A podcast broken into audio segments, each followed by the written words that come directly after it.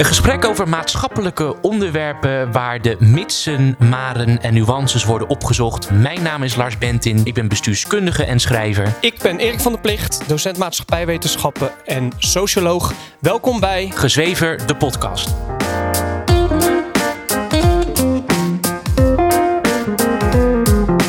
Waarom is dit een uiting van nature-nurture? Omdat het uiteindelijk neerkomt op de vraag: hoe is de mens van nature?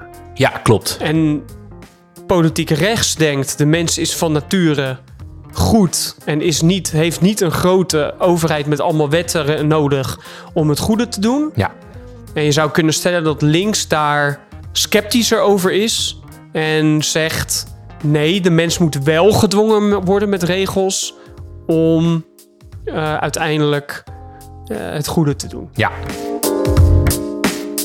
Er hoeft in Nederland maar één keer iets ergs te gebeuren. En er moet een commissie opgezet Ja. worden. En de gaten in de wet moeten onderzocht Ja, worden. En hoe Ja. kunnen we dit dichttimmen dat dit nooit meer gebeurt? Dus risicovermijding. Ehm, dat is natuurlijk ook dat ding. Risicovermijding kan voorkomen worden door nurture. Als we het gedrag zo aanpassen en de wetten zo aanpassen, kunnen we het risico zodanig vermijden dat er geen fout meer wordt gemaakt of geen niets ernstigs gebeurt. Terwijl juist nature zegt, ja, mensen zijn geneigd om fouten te maken. Da- daarvoor zijn we mensen. Ehm, dus dat, dat kan je niet dichten. Dat heeft geen zin. Dus daar moet je ook die vrijheid eh, voor laten om mensen die fouten te kunnen laten maken. Zonder dat we gelijk het hele systeem moeten veranderen. Ja. Het is niet alleen maar omdat mannen crimineel gedrag wordt aangeleerd dat zij in de gevangenis zitten. Nee, klopt. Mannen zijn van nature agressiever. Ja, En, of tenminste, niet per se agressiever, maar zijn van nature meer geneigd om fysiek geweld te gebruiken dan vrouwen. ja, Dus de kans dat gevangenissen overbevolkt raken met mannen komt omdat mannen in, in de meeste gevallen geneigd zijn om meer fysiek geweld te gebruiken. Of andere zaken zoals diefstallen te plegen en dergelijke. Dan vrouwen. ja. Dus dan is het logisch dat mannen vaker in de gevangenis terechtkomen. Ja, maar dat, dat, dat zou dan ook volledig aan nurture toe te wijzen zijn. Of zo dat mannen agressief worden opgevoed. Eh, ik, ik weet het niet precies, maar... Hallo Lars, goeiedag. Goedemiddag. Goedemiddag, leuk hier weer met elkaar te zijn. Ja, om een nieuwe aflevering op te nemen voor Ja. onze podcast. En hallo luisteraars, leuk dat jullie er ook weer zijn. Vandaag gaan Lars en ik het hebben over het nature-nurture debat. We gaan uitleggen wat dat debat inhoudt. We gaan vertellen waarom wij denken dat dat belangrijk is om te bespreken. En dan zullen wij drie voorbeelden behandelen, drie uitwerkingen van het nature-nurture debat in onze hedendaagse samenleving. Dus laten we maar beginnen met de vraag: wat houdt het nature-nurture debat in? Om het simpel uit te leggen, het een gaat over is bepaalde gedrag aangeleerd of eigenschappen aangeleerd of is het aangeboren? Ja, En nature is dan natuurlijk aangeboren Ja. en nurture is of het is aangeleerd. Ja, precies. Is menselijk gedrag aangeboren, nature of aangeleerd? Ja, klopt. Ja. En dit is een van de meest fundamentele en ook een van de, meest, van de oudste debatten, discussies die plaatsvindt in de sociale wetenschappen. Ja. Omdat ja, het sluit eigenlijk op, vrijwel, als je, als je op soci- aan sociologie denkt of psychologie, sluit het op eh, vrijwel alles aan uiteindelijk ja, is het gedrag wat iemand vertoont, eh, dat is psychologie en de maatschappij die daaruit voortkomt, dus sociologie, een, een gevolg van puur zaken die mensen elkaar aanleren, of is er ook een natuurlijke component, iets wat in de mens zit? ja, ja. En waarom denken wij dat dit belangrijk is om te bespreken? Omdat wij denken dat de benadering van maatschappelijke problemen die plaatsvinden op dit moment in onze samenleving tegenwoordig te veel vanuit één kant van het debat worden benaderd. En wij hopen met het gesprek van vandaag de luisteraar duidelijk te maken dat het niet alleen maar één kant van het debat belicht moet worden, maar dat eigenlijk allebei de kanten bel- belicht moeten worden. Oké, en de drie onderwerpen waar we het op gaan toepassen is de aloude links-rechts links-rechts discussie. Dus hoe groot moet de rol van de overheid zijn in het oplossen van maatschappelijke problemen? Ja. We gaan het hebben over de genderdiscussie die tegenwoordig uh, speelt.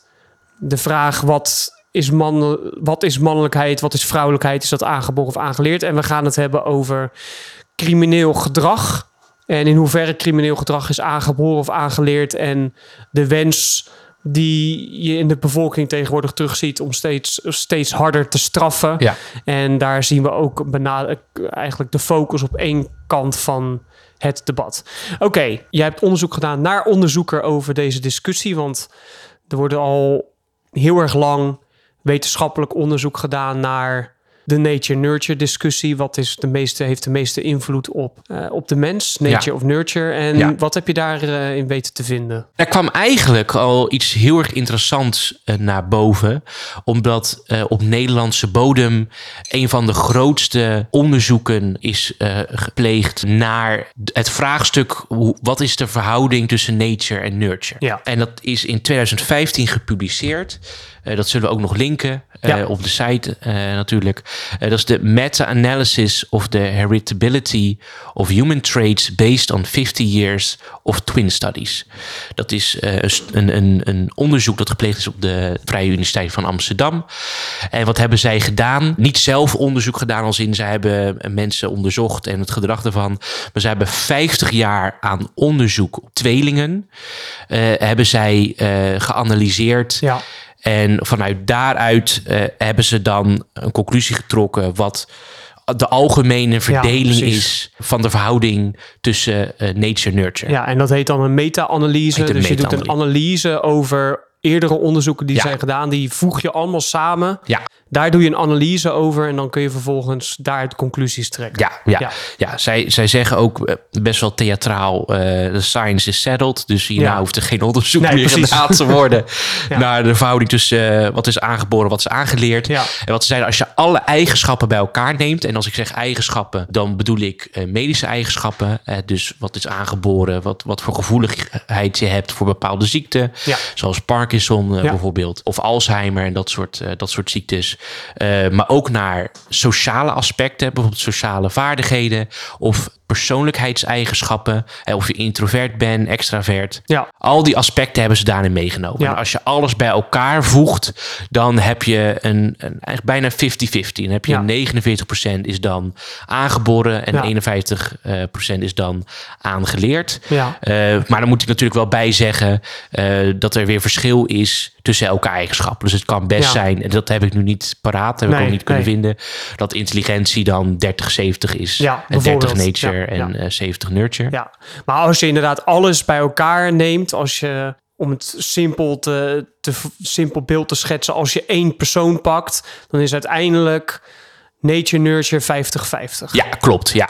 En wat je wel met zekerheid kan zeggen, eh, en dat is wel heel erg belangrijk ook voor deze, voor deze discussie, in deze podcast, eh, deze aflevering, is dat er geen enkele eigenschap alleen maar aan nurture Precies. Te wijden is. Precies. Eh, de verhoudingen kunnen dus verschillen, maar je kan niet zeggen, 100% kun je niet zeggen, het is alleen maar nurture. Nee, precies. Denk bijvoorbeeld aan lengte, de lengte die iemand heeft. Ja. Iemand kan in zijn genen hebben om een lang persoon te worden, maar als diegene ondervoed wordt tijdens Ja. zijn jeugd, Ja. dan zal die niet zo lang worden als iemand anders die wel goede voeding heeft Ja. gehad. Klopt, ja. En een andere metafoor wat je hiervoor zou kunnen gebruiken om dit, te om dit in, in, in beeld te brengen, is dat, dat, heb- dat heb ik uit de Righteous Mind gehaald van Jonathan Haidt, waar we het bij de Moral Foundations theorie aflevering ook over hebben gehad, is dat ieder mens is vanaf zijn geboorte een, een boek waarin bepaalde delen van hoofdstukken al met potlood geschetst staan. Maar door je omgeving en door hoe je opgroeit en door de voeding die je krijgt en alle, alle invloeden van buitenaf wordt dat uiteindelijk echt met pen beschreven. Ja, Dus je hebt aangeboren neigingen tot, tot, tot bepaald gedrag, maar hoe dat vervolgens in je omgeving eh, kan dat worden versterkt of worden verzwakt. Ja. Dat is ook in die aflevering over de Moral Foundations theorie. Dat gaat over, eh, ga dan terug naar je eigen land, eh, een aflevering van een paar weken geleden. Laat onder, onderzoek ook zien dat bepaalde moraliteit, neiging tot bepaalde moraliteit is aangeboren. Ja, Maar hoe dat vervolgens echt zijn invulling krijgt, dus welke morele standaarden en normen waarden je ergens aan, aan hangt, dat is weer heel erg cultureel bepaald. ja klopt. Oké. Dus laten wij in dit gesprek er dan van uitgaan dat menselijke eigenschappen zowel aangeboren als aangeleerd zijn. En niet dus, zo wat we tegenwoordig steeds vaker in maatschappelijke discussies zien terugkomen, dat al het menselijk eh, gedrag is aangeleerd. Ja. Ik, ik zie dat steeds vaker gebeuren, dat in discussies met mensen, dat men ervan uitgaat dat menselijke verschillen tussen bijvoorbeeld man en vrouw, waar we het straks ook over gaan hebben, een volledig sociaal construct zijn. Ja, Nou, daar zijn wij het niet mee eens. En wij willen in deze aflevering laten zien dat een genuanceerder beeld veel bruikbaarder is. ja. Oké, nou het eerste eh, onderwerp waar we het dan over willen hebben, eerste uitwerking daarvan is de links-rechts discussie. Vertel. De decennia lange, of nou ja, eeuwenoude lange discussie tussen links en rechts gaat uiteindelijk over hoe groot is de staat? Hoeveel overheidsingrijpen wil je dat er in de maatschappij is? Ja, precies. Eh, en dan gaat het onder andere over eh, de vraag: eh, zijn mensen vanuit zichzelf bereid om het goede te doen? Eh, zijn mensen bereid vanuit zichzelf solidair te zijn aan een medemens? Bijvoorbeeld het vraagstuk van hoe solidair zijn we tegenover elkaar als niemand zich met ons bemoeit? En bijvoorbeeld belastingen. Ja, Ehm, helpen mensen elkaar, bijvoorbeeld via kerken of via andere organisaties? Eh, help je de armen vanuit jezelf? Doet de maatschappij dat vanuit zichzelf? ja. Of hebben een Of moet overheid dat nodig? gedwongen vanuit de Ja, overheid? moet er belasting zijn zodat het herverdeeld Ja. wordt onder, onder de armen? Ja, precies. Want dat is ook de discussie tussen links en rechts. Links denkt de overheid moet bepaalde belastingen afdwingen bij de bevolking, anders gaat de bevolking dat niet zelf betalen. Ja, En rechts zegt nee, dat is helemaal niet nodig. Als je mensen hun eigen verantwoordelijkheid geeft, gaan ze uiteindelijk vanuit zichzelf Ja. aan goede doelen geven of belastingen betalen of meebetalen aan Ja. bepaalde projecten. ja klopt. En waarop links dan vervolgens weer zeggen: Oké, maar waarom gebeurt het dan niet? En dan zegt rechts: Dat gebeurt niet omdat mensen nu gedwongen worden om heel veel belasting te betalen. Ja, dus gaan ze natuurlijk niet meer vanuit zichzelf ook dingen be- de belasting betalen. Nee, klopt. Ja, En waarom is dit een uiting van nature-nurture? Omdat het uiteindelijk neerkomt op de vraag: hoe is de mens van nature? ja klopt. En politiek rechts denkt de mens is van nature goed en is niet, heeft niet een grote overheid met allemaal wetten nodig om het goede te doen. Ja, En je zou kunnen stellen dat links daar sceptischer over is en zegt nee, de mens moet wel gedwongen worden met regels om eh, uiteindelijk eh, het goede te doen. ja, ja dat, nou, is- eh, simpel gezegd is dat inderdaad dan die verdeling. Ja, Eh, ook al zie je natuurlijk, en dan zullen we daar dadelijk natuurlijk verder over hebben, dat iets wat rechts vandaag de dag ook typeert, is het hardere straffen. ja, Wat eigenlijk helemaal niet uitgaat Ja. van het, het goede van de mens. nee, En Hobbes bijvoorbeeld was een conservatief filosoof. En die zei altijd van de mens is, is slecht geboren. Ja. En die moet door wetten in toom gehouden worden. ja, door Dus een er- sterke overheid, door de dus er, zit, er zitten heel veel nuances in. Maar als we kijken naar het economisch links-rechts...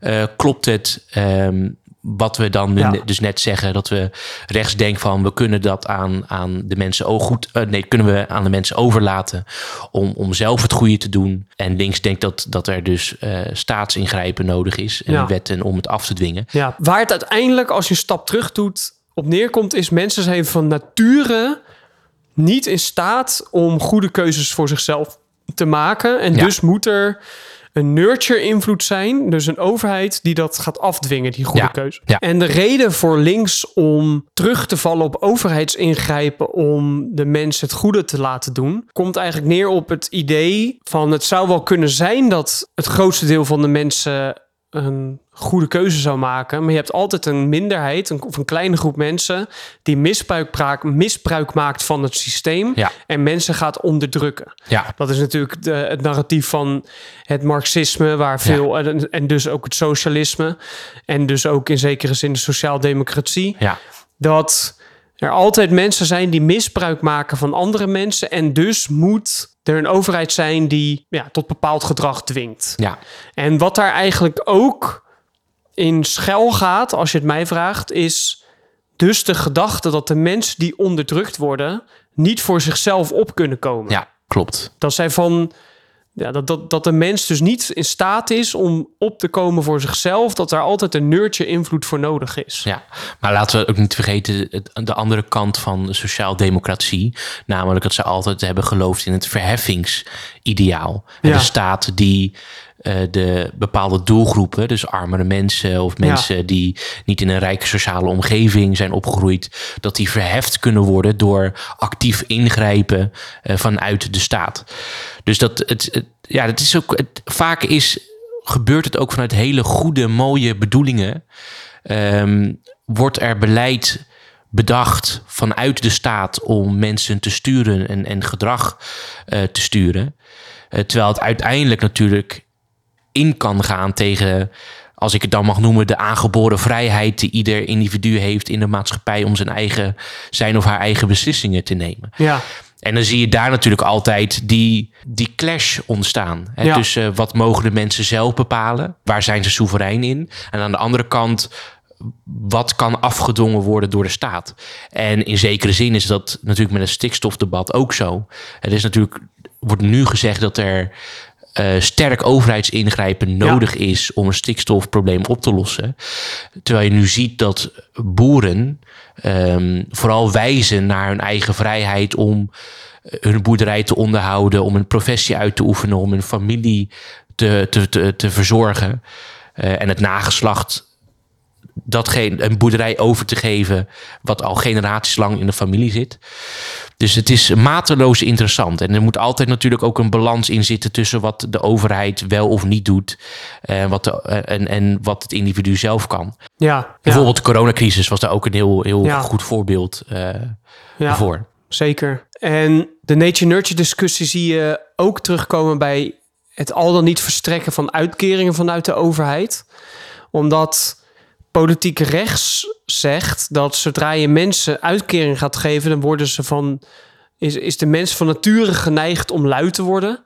Terwijl politiek links zegt dat je mensen juist moet ondersteunen, omdat ze dan van nature geneigd zijn aan zichzelf te gaan werken. Dus ook hier zie je weer die nature-nurture discussie Ja. heel erg eh, Ja, terugkomen. ja, klopt. En tegenwoordig is het in, in andere mate tussen links en rechts... zijn ook andere onderwerpen die dan weer de kop opsteken. Zoals het hele multicult multiculturalisme debat. Ja, Hè, waarbij links weer de kant van nurture kiest door te zeggen: hè, als je allemaal mensen van verschillende culturen bij elkaar brengt, dan komt dat vanzelf wel goed. Ja. Hè, dat die mensen Ja, die zullen zo gesocialiseerd worden Ja, en- in de nieuwe ja, maatschappij. precies. En politiek rechts zegt dat de mens van nature geneigd is om bij zijn eigen groep te blijven. En Ja. bij mensen te blijven die op hen lijken. ja, Dus dat dat niet goed gaat. nee, dat dat Dus dat, segregeert. hè, ja, dat segregeert. En wat je, wat je natuurlijk ook eigenlijk gewoon ziet gebeuren in onze Ja. maatschappij. En daar hebben we het in een eerdere aflevering ook al over gehad. Ja. Dus bij politiek links-rechts zie je die nature, dat nature-nurture terugkomen. Omdat het uiteindelijk neerkomt op de vraag... waar is de mens... Het komt eigenlijk neer op het mensbeeld wat links en rechts heeft. En wij denken dat politiek links als mensbeeld heeft... dat mensen gedwongen moeten worden Ja, om bepaald gedrag te vertonen. En politiek rechts meer als mensbeeld heeft dat als je de mens vrijlaat, ja, dat het dan vanzelf goed komt. ja, klopt. Ja. Met natuurlijk daar allerhande nuances in. Ja, en wel met de kanttekening dat ik gewoon zie, zeker in Nederland, dat we continu als automatisme naar het nurture aspect kijken. Ja. Als het gaat over het oplossen van maatschappelijke Ja, problemen. ja precies, Eh, precies. Want dat, dat, is dus, dat is dus inderdaad ook wat we vandaag duidelijk willen maken. Dat, dat wij denken dat te veel focus wordt gelegd op één kant van, het, van Ja. de discussie. En dat zie je tegenwoordig bij maatschappelijke problemen. Is wordt eigenlijk heel snel de nurture kant Ja, erbij gepakt. We moeten een overheid hebben die gaat ingrijpen. Terwijl je ook kunt kijken naar de natuur van mensen. Dat de mens van nature geneigd is zelf problemen ja. onderling op te lossen. Maar ook fouten kan maken uiteindelijk. Ik bedoel, het, is, het is natuurlijk, het, er hoeft in Nederland maar één keer iets ergs te gebeuren. En er moet een commissie opgezet Ja. worden. En de gaten in de wet moeten onderzocht Ja, worden. En hoe kunnen we dit dichttimmen dat dit nooit meer gebeurt? Dus risicovermijding. Ehm, dat is natuurlijk ook dat ding. Risicovermijding kan voorkomen worden door nurture. Als we het gedrag zo aanpassen en de wetten zo aanpassen, kunnen we het risico zodanig vermijden dat er geen fout meer wordt gemaakt of geen niets ernstigs gebeurt. Terwijl juist nature zegt, ja, mensen zijn geneigd om fouten te maken. Eh, da- daarvoor zijn we mensen. Ehm, dus dat, dat kan je niet dichten. Dat heeft geen zin. Dus daar moet je ook die vrijheid eh, voor laten om mensen die fouten te kunnen laten maken. Zonder dat we gelijk het hele systeem moeten veranderen. Ja, precies. Oké, het, het volgende onderwerp waar wij het eh, over wilden, wilden hebben, waar wij de nature-nurture discussie in terug zien komen, is gender. Ja. Is de genderdiscussie. Eh wat wil je daarover zeggen? Om maar eerst te focussen op die rolverdeling tussen mannen en vrouwen. Eh, we hebben natuurlijk sinds kort een, een soort quotum. eh, als het gaat om het bedrijfsleven of raad van commissarissen. Ja, bij de, de, de, de grootste bedrijven. Ja, ja, precies. Dat dan 30%, als ik het goed heb, vrouw moet zijn. Ja. En je hebt natuurlijk die, die intense focus op politiek en bestuurlijk niveau. Eh, om vrouwen aan te trekken, om representatief te zijn. Ja. Eh, in Rotterdam, waar wij wonen, was laatst hij staat erover omdat er maar één vrouw in eh college van burgemeester en wethouders is. Ja. Ehm, maar goed, dat vinden we dus blijkbaar belangrijk. Maar we denken dus dat we dat kunnen oplossen door quota te implementeren. Door wetten aan te nemen en de structuur zo te veranderen dat de focus ligt op nurture. Hè? Hoe Ja, kunnen we de maatschappij zo fundamenteel veranderen dat vrouwen anders behandeld worden? Ja. Dus dat, dat, ja, terwijl ik dan vaak ook nadenk over wat is dan het nature-element. Hè? W- Willen vrouwen, eh, willen zij de top bereiken? Willen zij wel of niet politiek actief worden? Willen zij wel of niet het bestuur in? En wat is, zit er in hun vrouwelijkheid? Het verzorgende aspect, het feit dat ze kinderen kunnen krijgen, dat ze het over algemeen zorgzamer zijn en gefocust zijn op het gezin. En wat voor invloed heeft dat? En daar durven dan in het maatschappelijk debat vaak niet op te focussen. Nee, wat je tegenwoordig ziet is dat bij de, de discussie over gender en rolverdeling van mannen en vrouwen, dat er vooral de laatste jaren valt me dat heel erg op, eigenlijk vrijwel alleen nog maar wordt gericht op nurture. Ja, Mannelijkheid en vrouwelijkheid en de rolpatronen van mannen en vrouwen in de maatschappij zouden volledig aangeleerd zijn. ja, Dat is het idee. ja. Terwijl mannen en vrouwen van nature anders zijn. Ja. Vrouwen kunnen kinderen krijgen, mannen niet. En, eh, en er zijn wel meerdere lichamelijke verschillen ehm, tussen mannen en vrouwen. Ja. Maar blijkbaar vinden heel veel mensen tegenwoordig dat het dat dat natuurlijk aspect eigenlijk genegeerd kan worden, omdat mannelijkheid en vrouwelijkheid volledig nurture is. Ja. Ik denk, en dat ik vind dat een, echt een, een, een veel te simplistisch beeld van de werkelijkheid. Ja, klopt. Ja, eigenlijk met, met common sense kan je eigenlijk al bepalen. ehm, ja, dit, dit klopt gewoon niet. Nee. Dit is gewoon. Dit, dit- Nee, het klopt niet. het klopt gewoon niet. En Nee. ook met het onderzoek dat we net hebben aangehaald, natuurlijk, dat er geen verdeling is van geen enkele eigenschap waarin nurture alles bepaalt. nee, is dat dus ook hier niet Is zo? dat hier ook niet Nee. het, het geval? En je neemt het, waar ik het al eerder over heb gehad, het, probleem ook niet serieus als je niet onderkent dat er ook gewoon natuurlijke verschillen zijn. Bijvoorbeeld, tussen mannen en vrouwen. Ja, precies. Bijvoorbeeld wat jij net aanhaalde, de vrouwen kunnen kinderen krijgen. En als Ja. je dan, wat je net ook aanhaalde, de top van bedrijven. Ja, Men lijkt te vergeten dat er een logische reden is dat door de geschiedenis heen de top van bedrijven waar je 70, 80, 90 uur per week moet werken en waar je altijd beschikbaar moet zijn, ja, dat er een logische reden voor is dat dat, op een dat, dat door de honderden jaren heen door mannen vervuld is. ja. Omdat mannen kunnen geen kinderen krijgen. Die zijn dus, raken dus niet zwanger. En zijn door die zwangerschap niet meerdere malen voor maanden lang uit de running. Ja, klopt. Dus het is heel logisch dat mannen aan de top van bedrijven komen. Ja, Maar tegenwoordig ontstaat er een narratief dat, dat, dat het feit dat mannen aan de top van bedrijven staat, dat dat een volledige culturele oorzaak heeft, dat er niets natuurlijks in zit en dat we daarom dus maar quota moeten introduceren, zodat vrouwen net zoveel rechten krijgen om aan de macht te komen in bedrijven als mannen. ja klopt. En ik, ik vraag me echt af hoe het nou komt dat dat hele natuurlijk aspect verloren gaat. Dat lijken, Ja. we, dat lijken we helemaal uit het oog te verliezen of zo. Ja, en ook die vraag dan niet te stellen eh, bij andere functies in de maatschappij, die weliswaar niet even machtig zijn, tussen uh, aanhalingstekens, maar eh, die wel veel impact hebben op onze maatschappij. Als je bijvoorbeeld kijkt naar bouwvakkers, als je kijkt Ja. naar stratenmakers en allemaal Ja. van dat soort Waarom zijn, fysieke beroepen. ja, waarom zijn, worden fysieke beroepen vrijwel alleen maar door mannen uitgevoerd? En beroepen zo- zoals in de zorg en kinderopvang en Ja. dergelijke, waarom wordt dat vooral door vrouwen Ja. ingevuld, die beroepen? En dan is het antwoord, als, eh, is, is het steeds vaker het antwoord dat komt puur door de rolpatronen die cultureel bepaald zijn. Er zou dan niets natuurlijks in zitten. Nee, en als je het, dat debat niet op een eerlijke manier voert, eh, zal je het ook nooit oplossen. Sterker nog, je, je stelt ook een, een, een, een vals, een vals narratief en een vals voorbeeld voor alle jongens en meisjes eh, binnen de maatschappij.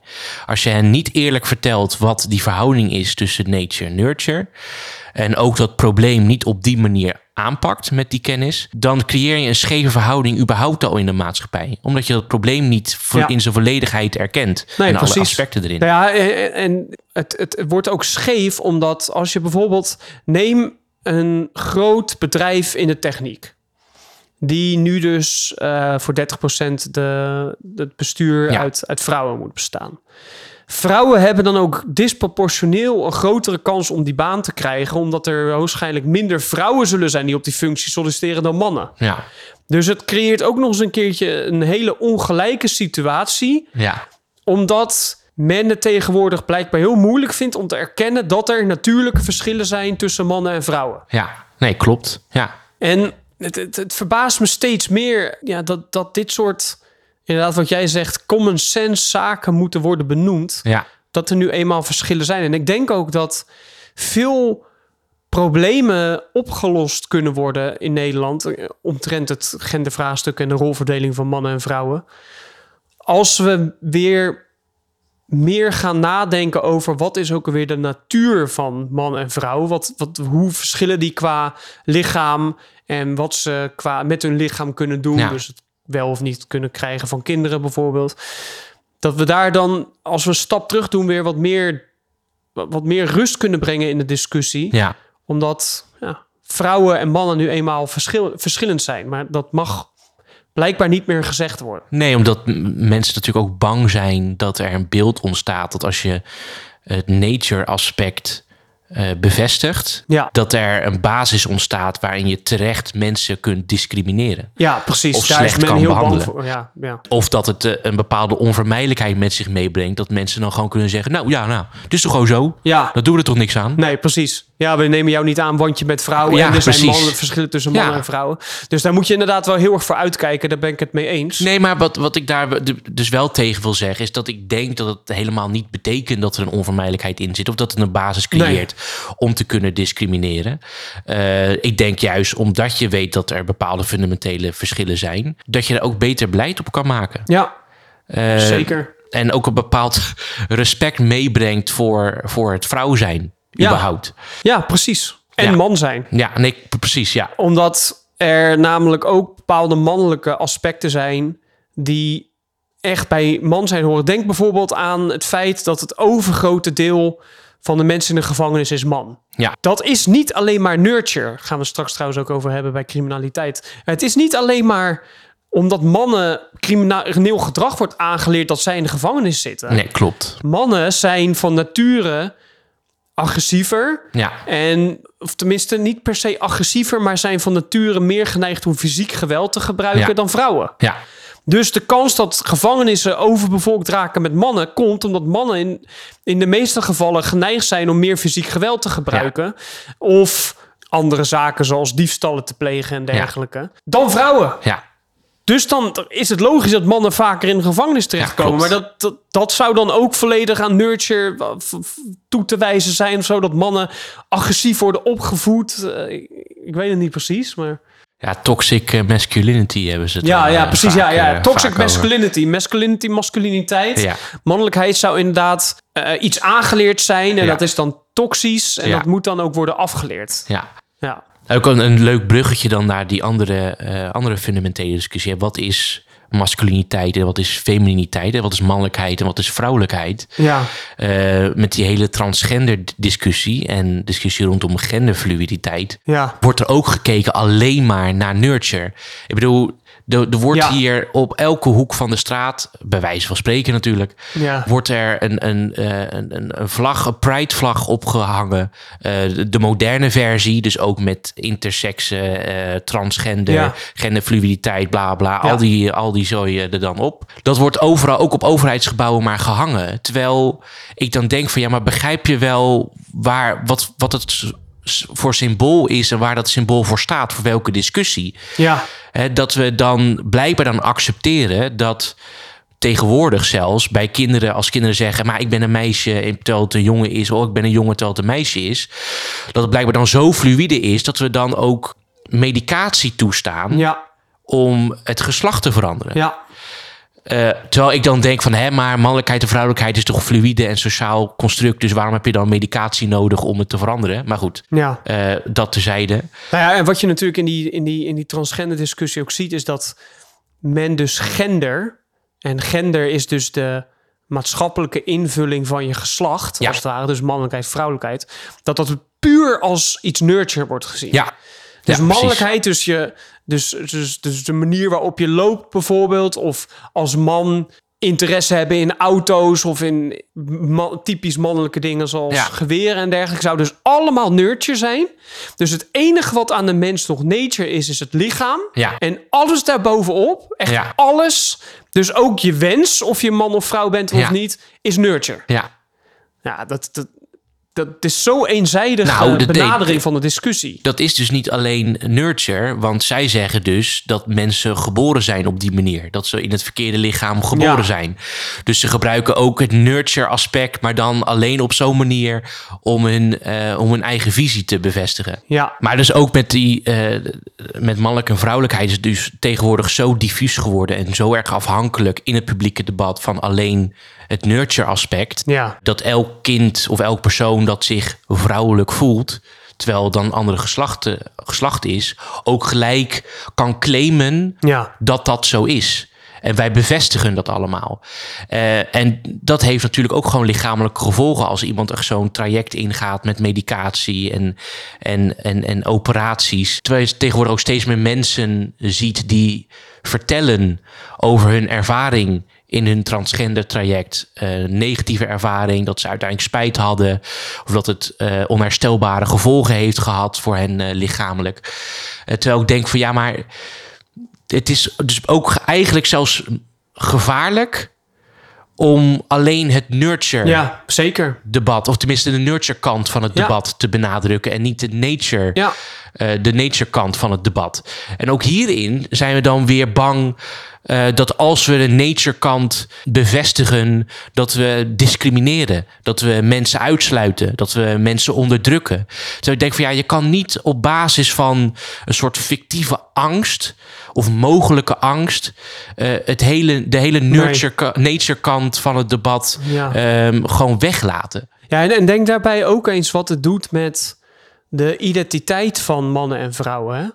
Als je identiteit, dus hoe je jezelf ziet en waar je eigen interesses, als dat niet meer gebaseerd zou zijn op je natuur, maar alleen nog maar aan nurture, Ja, dan wordt je identiteit, hoe je jezelf zien, ook volledig diffuus. Ja. Hoe je jezelf ziet, ook volledig diffuus. ja, Dus dan is een jongetje wat het wat daadwerkelijk leuk vindt om met auto's te spelen en competitief is, bijvoorbeeld competitie, dat wordt dan gelijk weer toxic masculinity ja, natuurlijk. klopt, ja. Die gaat dan ook denken van, oh ja, ik, ik denk wel dat ik dat van nature leuk vind, dat ik dat altijd al vond, maar waarschijnlijk is het gewoon allemaal aangeleerd. Ja, En kan ik het dus ook allemaal, is mijn, is mijn volledige persoonlijke identiteit, kan ook weer worden, kan ook weer veranderen en Ja. dergelijke. Terwijl veel van hoe we naar onszelf kijken en wat we leuk vinden en dergelijke, is ook natuurlijk bepaald. Ik Ja. wordt ook bepaald door nature. Hoe wij, hoe onze hormoonhuishouding zit. Ja. Bijvoorbeeld vrouwen zijn eens per maand hebben ze, zijn ze ongesteld. Ja, Wat iets doet ook met hun gemoedstoestand en dergelijke. Mannen hebben dat niet. Daar moet ook, de, de- ook daar moet rekening mee worden gehouden. ja. Nou ja, En, ja. er wordt ook rekening mee gehouden. En dat vind ik dan ook weer heel interessant. Want er wordt bijvoorbeeld nu menstruatieverlof wordt er aangevraagd eh, binnen dat- de politiek. precies. Dus we, als het dan uitkomt, dan kijken we ineens wel weer naar het eh, nature. dat de idee, dat idee krijg ik inderdaad wel. Dat, dat alles is nurture. Tenzij het niet goed uitkomt, dan inderdaad wordt nature erbij gepakt. Ja, ja. ja. Ja, en het, het is ook, kijk, om mezelf als voorbeeld eh, te geven. Ik ben een, een man, maar ik ben best wel een feminine man. Ik Mhm. heb daar heel mijn leven al, nou heel mijn leven, een groot deel van mijn leven heb ik daar moeite mee gehad. Ook op de middelbare school. En wat ik dan op een gegeven moment heb moeten, moeten aanleren, eh, om dan toch weer dat, dat woord te gebruiken, is moet aanleren, is dat omdat ik een man ben en ook bepaalde masculine eigenschappen heb natuurlijk, dat het mij niet ineens niet een man maakt op het moment dat ik feminine, dus vrouwelijke eigenschappen eh, bezit. En ik kan je vertellen dat het al verdomd moeilijk was om met deze dingen om te gaan. Eh, laat staan als alles diffuus is Ja, geworden. precies. Eh, en, en heel mijn leven geen vastigheid Ja. meer, meer had. Het gaf mij vastigheid door te bedenken... ik ben een man, maar ik kan ook vrouwelijke eigenschappen bezitten. Ja. Dat maakt mij niet ineens een, een, een vrouw. En dat maakt mij ook zorgen, want volgens mij herkent iedereen, iedereen dat die, die naar deze aflevering luistert. Het leven is al moeilijk genoeg in de chaos Ja. eh, die het met zich meebrengt. Ja. Eh, en als al die vastigheden, al die nature aspecten, maar gewoon worden losgelaten. Terwijl dat en niet kan, omdat die wel degelijk bestaan. Ja. Maar ook omdat we daar moedwillig blind voor zijn. Ja. Ja, dan creëren we alleen maar chaos voor onszelf in ons leven. precies. Ik denk ook dat dat de reden is dat zoveel jonge mensen tegenwoordig interesse hebben voor die, die genderfluiditeit. Ja, Omdat zij in die chaos leven en nog heel erg bezig zijn met hun persoonlijkheid te ontwikkelen. en klopt. het levert ook denk ik inderdaad veel chaos op. En het is dus helemaal niet erg om ook te erkennen dat er bepaalde nature aspecten zijn. Zoals bijvoorbeeld bij mannen, dat mannen vaak gericht zijn op seks. Op het, he- op, op voortplanten, op Ja. zo, seks hebben met zoveel mogelijk vrouwen. Ja, Terwijl vrouwen daar van nature veel selectiever in moeten zijn. Ja. Omdat ze maar een x aantal kinderen per in hun leven kunnen krijgen. Kunnen mannen klopt. oneindig veel vrouwen Ja. bevruchten. ja, Wat ook weer gevolgen heeft voor de seksuele gevoelens die mannen hebben. En dat die anders zijn dan die van vrouwen. ja. Maar zelfs dat zou dan allemaal aangeleerd zijn. En het dus Maar dat is... Dat is te eenzijdig. Ja, klopt. En dat is in dat opzicht natuurlijk ook weer gevaarlijk. Want er wordt natuurlijk ook vaak gezegd... als je die nature kant van eh, mannelijke seksualiteit benadrukt... dat er gezegd van ja, dan is het dus goed. Dan praat je het nu goed. Ja, dan praat je verkrachting goed. Ja, dan denk ik, eh, dan- moet ik gewoon zuchten. En denk ik van, Nee, nee, ja. dat is niet Nee, zo. dat wordt helemaal niet gezegd. Ehm, maar ik denk dat je daar als mannen beter mee kan omgaan door te onderkennen Juist. dat het een, een, een natuurlijk aspect heeft. Juist. Daardoor kan je er mee, beter mee dealen. Juist. Eh, en kan je ook een, een, een, een beter mens worden in de maatschappij. Terwijl als jou, aangele- als jou verteld wordt, jouw, jouw seksuele gevoelens en jouw seksuele drift is allemaal aangeleerd, is allemaal nurture, dan ligt het dus ook uiteindelijk aan jou of je het wel of niet zo voelt. Ja, dat is een beetje alsof je eh, eh, depressief bent. En dat iemand zegt van... Ja, maar wat nou als je gewoon even positief denkt? Dan is het toch gewoon weg? Ja, precies. Dus denk, ja, weet je... Dus het is zelfs, wa- waar we nu ook achter komen, is dat het zelfs gevaarlijk is in zekere zin om bij de genderdiscussie puur alleen te richten op nurture. Dat, Ja. dat, dat, dat, dat, dat onze gender invulling daar ook daarvan, dus de, de invulling van man- en vrouwenrollen, dat dat puur Ja. eh, nurture zou zijn, is ook eigenlijk in zekere zin gevaarlijk. Ja, maar ook in, in de discussie die we hiervoor hadden met links en rechts. Er zijn genoeg voorbeelden van totalitaire maatschappijen die Ja. Als overtuiging hadden dat elk aspect van een menselijk leven beïnvloed moest worden Ja, dat door alles de staat. is. En dat we dan eh, Ja. de hemel zouden bereiken, de, de, de hemel op aarde. Ja, Eh, terwijl je daar dus ook ziet dat het gevaarlijk kan zijn door alleen maar te richten eh, op nurture. ja. Dus ehm, En, en natuurlijk andersom ook door alleen maar te richten op nature. Ja, we ja, ook ja, ja. zijn. Bijvoorbeeld te zeggen, jij bent een man, dus jij moet v- 40 uur per week werken. En jij bent een vrouw, dus je moet in de keuken staan en, en niet zeuren. Dat zijn natuurlijk eens een andere uitwerking van het debat. Ja, Maar we zien nu dat het nu omslaat naar de andere kant. En dat is net zo goed niet waar. nee, klopt. Het is, zoals we, zoals we net in het onderzoek aanhaalden, het is een mengelmoes. Ja, En dat, dat moeten we erkennen. En dat gebeurt op dit moment te weinig. ja, klopt. En het laatste onderwerp waar we het in deze aflevering gaan, over gaan hebben, waar we de uitwerking van nature nurture terugzien, is criminaliteit. Eh, wat wil je daarover zeggen? Hoe zit ons strafsysteem in elkaar? Ja. Eh, waar is het op gericht? Ehm, wij zien de laatste jaren, nou eigenlijk misschien zelfs de laatste decennia, dat er een, een oproep is tot hardere, tot harde straffen. Ja, En dan is de vraag van ja, maar waar dient het straffen voor? Waar Ja. dient ons strafsysteem uiteindelijk voor? Wat voor doel heeft het? Ja, En dat heeft dus ook met het nature-nurture debat te maken. Want Ja. heb je als doel om, om te resocialiseren. Dus dat mensen een straf uitzitten, maar daarna dus weer terug kunnen, komen, terug In kunnen keren in de maatschappij. Ja. En een goed burger worden. ja, Eh, of is het de nadruk op straffen ja, en eigenlijk niet geloven dat er resocia- resocialisatie kan plaatsvinden. ja, precies. En eigenlijk die mensen gewoon opgesloten houden. Dat is inderdaad in essentie een nature-nurture discussie. Kijk, er zijn inderdaad meerdere functies van straffen. Of meerdere redenen waarom je straft. Resocialisatie zei je net Ja. al. Wraak nemen is Ja. er één van. Bescherming van de samenleving. Ja. Een, een moordenaar die vastzit kan niet nog meer moorden plegen. En afschrikking. Dus door een straf tegenover bepaald gedrag te stellen, zal het mensen afschrikken om die, Ja. om die daad te begaan. Ja. En iedere functie van straf heeft een andere benadering. In, heeft, een, heeft een andere grondslag in het nature-nurture debat. Ja.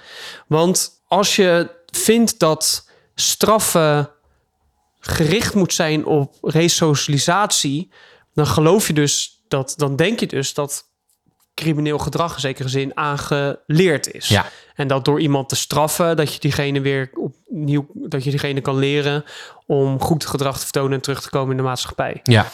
Terwijl als je de functie van straffen vooral denkt dat de functie van straffen afschrikking is, dan ga je er eigenlijk vanuit dat iedereen van nature een crimineel is. Dat men alleen maar geen crimineel gedrag vertoont Ja. als je ze afschrikt om dat crimineel gedrag te vertonen. Ja, ja, dat is dat eh, beeld van Hobbes. Als je bent, eh, je hebt als mens neiging tot, tot slecht gedrag. Ja. Eh, dus je hebt een afschrikkingssysteem nodig, nodig Ja. en een wetsysteem om je in toom te houden. Ja, precies. Ja. En dat is dus in essentie ook weer de nature-nurture discussie. En jij denkt dus dat in de nature of dat in het in, in, de, in de vraag om harder te straffen, wat ook daadwerkelijk gebeurt. Rechters zijn ook de afgelopen decennia harder gaan straffen. Ja, Jij denkt dus dat daarin vooral de focus op nature ligt. ja Klopt dat? klopt. Ja, ook omdat ik een, een dat is mijn persoonlijke overtuiging, eh, dat ik de overtuiging heb dat mensen niet slecht worden geboren. Ja, Gewoon, gewoon niet. En dat betekent natuurlijk niet dat bepaald gedrag goed gepraat hoeft te worden, zodat je helemaal geen rechtssysteem hoeft te hebben. Ik bedoel, dat, dat is natuurlijk niet, helemaal niet het punt. Maar dat resocialisatie juist een heel belangrijk onderdeel is van ons rechtssysteem, omdat we mensen weer de kans geven om een goed en een goed burger te zijn, maar ook een goed mens. ja, En er zijn natuurlijk criminelen, eh, zoals Holleder, die eh, eigenlijk het best gewoon heel zijn leven lang eh, kan opsluiten. Want ik ben- niet van overtuigd dat hij, dat hij kan veranderen daarin. Maar voor het, denk voor het overgrote deel van de mensen, en daar gaat het uiteindelijk natuurlijk om, is re- resocialisatie moet, moet het doel zijn. ja, En dan denk ik ook dat harde straffen, dat, dat geeft natuurlijk wel een bepaald bevestiging van de behoefte om inderdaad wraak te nemen vanuit de maatschappij. Uit de maatschappij, vanuit een gezin om wie het de betreft. slachtoffers. Slachtoffers, Ja, eh, familie en vrienden van de slachtoffers. Maar dat is natuurlijk maar één kant. ja, Eh, en uiteindelijk gaat het ook om de mensen een kans te bieden om weer een deel te kunnen laten nemen in de maatschappij. En dan is Ja. juist harder straffen, heeft dan eerder een negatief effect, denk ik. Dan, eh, dan een positief eh, effect. En of het afschrikwekkend is, ik, ik geloof er niet zozeer in dat. Ik geloof erin dat er tot een bepaald tot x aantal jaar afschrikwekkend is. En daarna heeft het gewoon ja geen zin zijn, meer. daar zijn interessante studies over gedaan. Hè? Bijvoorbeeld de doodstraf in eh, de Verenigde Staten. Dat in staten waar de doodstraf geldt, dat dat niet betekent dat er minder moorden worden gepleegd. Dat je, dat je eigenlijk ziet, zodra de, dat er een correlatie is tussen heeft de staat een doodstraf of niet, en hoeveel doodstraffen worden er uitgedeeld en hoeveel moorden worden er gepleegd. Dus Ja. dat is heel interessant. Ja. En wat heeft dit dus uiteindelijk ook met nature-nurture te maken? De vraag, is de mens van nature geneigd tot crimineel gedrag of niet? En als je dus inderdaad vraagt om harder te straffen, dus om hardere straffen voor, voor wat dan ook, voor winkeldiefstal, voor eh, moord enzovoort, dan ga je er dus vanuit dat mensen eigenlijk alleen dat het alleen mensen niet gaan moorden of gaan stelen als je ze harder straft. Dan ga Ja. je dus dat is een heel erg nature benadering door te denken. Mensen zijn van, van nature geneigd om crimineel gedrag te vertonen, maar alleen een hardere straf gaat dat voorkomen. ja, klopt. Ja. Terwijl de nurture benadering van criminaliteit is dat wa- wat jij dus net eigenlijk zegt, dat mensen niet slecht worden geboren, maar door benad of tenminste door, door, door dingen die ze meemaken in hun leven, geneigd zijn tot bepaald crimineel gedrag ja. of niet. Nee, ja, klopt. Ehm, daarnaast natuurlijk is die, die behoefte eh, aan, aan wraak via het rechtssysteem... Ja, is natuurlijk ook in omweg een, een nature aspect. Ja. Ja, als mensen hebben natuurlijk de natuurlijke behoefte... als er ons iets ergs wordt aangedaan... om iets ergs terug te doen. Hè, om ja, wraak te ja, nemen. zeker. Ja, Dus ook dat nature aspect wordt er via een omweg eh, ook weer in, eh die zijpelt er ook weer in. Dus maar het is wel heel erg, eh, heel erg interessant. Ook omdat je het terecht stelt. Want dat wist ik eerst niet. Voordat je mij dat vertelde, dat was ook alweer een tijdje geleden. eh, wist ik niet dat we ook daadwerkelijk harder zijn gaan straffen Ja. eh, in, in Nederland. Maar dat gebeurt dus. Ja, een bron van, de rechtspraak, van rechtspraak.nl. Rechters straffen gemiddeld 11% zwaarder dan 20 jaar geleden. En deze bron is uit 2019. Ja, En dat is een eh, onderzoek dat is gepubliceerd in het tijdschrift voor rechtspraak en straftoemeting. Dus rechters zijn 11% zwaarder gaan straffen. Dus moet je je voorstellen dat. eh, en tenminste, wat er staat is met name gewelds- en seksuele misdrijven wordt ze fors zwaarder bestraft. ja, De straf voor de, deze misdrijven lag in 2018 circa 65% hoger dan in Ja. a- 1998. Ook vernielingen en misdrijven tegen orde en gezag en verkeersmisdrijven worden zwaarder bestraft. Straffen voor drugsmisdrijven zijn de afgelopen twee decennia met 20% gedaald. ja. En ook is de rechter meer taakstraffen en juist minder boetes op gaan leggen. Dus aan de ene kant zie je dat bij gewelds- en, seksuele misdrijven en andere misdrijven er zwaarder wordt gestraft. Maar er wordt ook weer bij andere misdrijven weer meer taakstraffen en juist minder boetes opgelegd. Ja, maar het grappige is, of het interessante is, dat we net twee onderwerpen hebben besproken waarin de focus vooral lag op nurture en dat we de, de, Ja, dat- de dat- nature kant benadrukken. Ja, precies. Dat er te weinig eh, eh, aandacht is voor nature. Ja, en terwijl het hier natuurlijk weer eh, andersom is. Want het is tegenwoordig, voel ik in ieder geval, eh, moeilijk om de nurture, om het nurture aspect te benadrukken. En er zijn heel veel mensen die steeds harder roepen, hoe harder gestraft worden, harder gestraft worden, harder gestraft worden. En als je de nuance maakt door dus het aspect van nurture te benadrukken. Hè, iemand groeit op in een bepaalde omgeving, eh, of is arm, heeft de verkeerde vrienden, eh, of de ver- verkeerde invloed van de familie kan natuurlijk ook Ja, dat als je dat benoemt, dat, dat, dat je eigenlijk al snel terzijde wordt geschoven in, in een discussie. Dus dat, hier is, is het dus eigenlijk andersom. Het, je wil, ik zou niet willen zeggen dat we terug moeten gaan naar 20 jaar geleden, waarin het systeem echt wel meer gericht was op nurture. Ik vind wel dat we daar meer balans in hebben gecreëerd. Maar je ziet dat het nu weer aan het omslaan is, dat er steeds harder gestraft moet worden, dat daar elke keer de focus op is. Ja. Eh, en het nurture, de nurture kant onderbelicht wordt. ja precies. Ik, denk- ik, ik denk dat, dat daar inderdaad een goede balans in gevonden moet worden. Want ik denk dat de mens van nature bij, bij, bij sommige zaken wel nadenkt van... kan ik dit wel of niet maken of krijg ik straf? Als ik bijvoorbeeld over de snelweg rij en ik weet dat er niet geflitst wordt... dat ik geen boetes krijg, ga ik ook te hard rijden.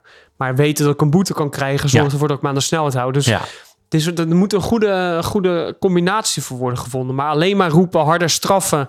zonder daarbij op, ook op nurture te richten... dat is niet de oplossing Ja. bij, bij het oplo is niet de oplossing voor het voorkomen of, eh, van criminaliteit. Ja, ja. Dus ook hierin blijft de kern balans tussen nature, eh, nature en nurture. Ja, precies. Dus we zien bij dit gesprek dat er zowel aandacht moet zijn bij de drie onderwerpen links, rechts, genderdiscussie en criminaliteit. Voor zowel nature als nurture. En dat je, voor na, dat je, dat je alleen maar richt op één kant van het debat. Nooit de oplossing is. En ook eigenlijk nooit een volledig beeld geeft van de situatie. Ja, en desastreuze effecten kan hebben. En dat het desastreuze effecten kan hebben. Ja. Zeker. Ik, ik hoop dat we onze luisteraar duidelijk hebben gemaakt dat nature en nurture allebei belangrijke aspecten zijn eh, bij maatschappelijke problemen. Ja. En we willen onze luisteraars weer bedanken voor het luisteren naar deze aflevering. Ja, bedankt. Dankjewel voor het luisteren. Abonneer je op onze kanalen, op Spotify, eh, op YouTube. We hebben onze eigen website en natuurlijk een nieuwsbrief. Ja. Dus doe dat vooral. Zeker. En dan eh Zien weer. elkaar eh, volgende week weer. Yes. Oké, hoi.